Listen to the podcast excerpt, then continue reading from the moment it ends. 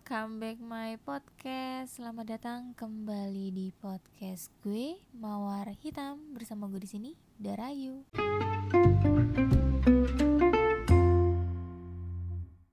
Capek. Istirahat aja sebentar. Gak apa-apa. Sedih boleh.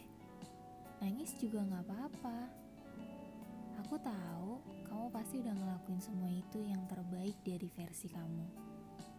Gak apa-apa, semua ada masanya kok. Yang penting, jangan lupa kasih waktu buat diri sendiri. Ungkapin emosi kamu. Waktunya nangis, ya nangis. Waktunya ketawa, ya ketawa. Jangan pura-pura ketawa mulu. Buat kamu yang ketawanya paling gede, hobinya ngelawak mulu, receh pula, bikin semua orang happy. Tapi padahal air mata kamu yang banyak terkuras ya. Gak apa-apa, proses kan? Yuk, yang lagi sakit hatinya, yang lagi sedih, kecewa, merasa gagal, cemas yang ngebuat kamu stres atau bahkan depresi, mari kita sama-sama self healing. Mari kita sama-sama menyembuhkan luka batin atau mental yang sedang kita alami. Jangan berlarut-larut. Ingat, semua orang berpotensi untuk menyakiti. Semua orang berpotensi untuk pergi meninggalkan, dan semua orang berpotensi gagal dalam hal yang dilalui. Sayangnya, kita tidak pernah tahu kapan itu akan datang. Oleh sebab itu, kita sangat perlu mempersiapkan diri. Jangan nyerah, ya, harus bersyukur dan belajar dewasa lagi. Jangan berusaha menjadi orang baik, tapi jadilah orang yang ikhlas. Karena orang baik belum tentu ikhlas, orang ikhlas udah pasti baik. Setiap orang tuh punya tingkatan stres yang berbeda dan cara healing yang beda-beda juga. Ada yang bisa sembuh dari luka batin begitu aja dengan seiring berjalannya waktu, ada juga yang susah banget melupakan dan memaafkan masa lalu. Dan gue pun masih dalam proses healing kok.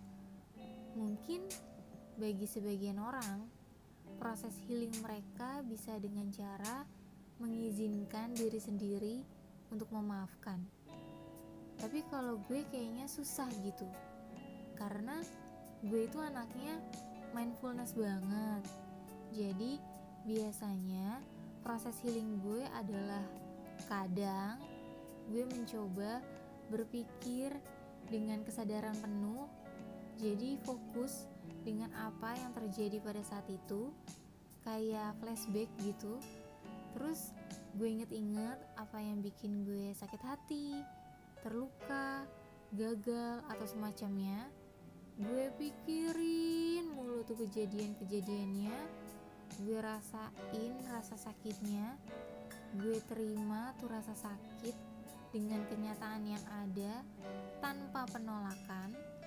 Terus ya udah sampai akhirnya rasa sakitnya itu hilang dengan sendiri seiring berjalannya waktu aja.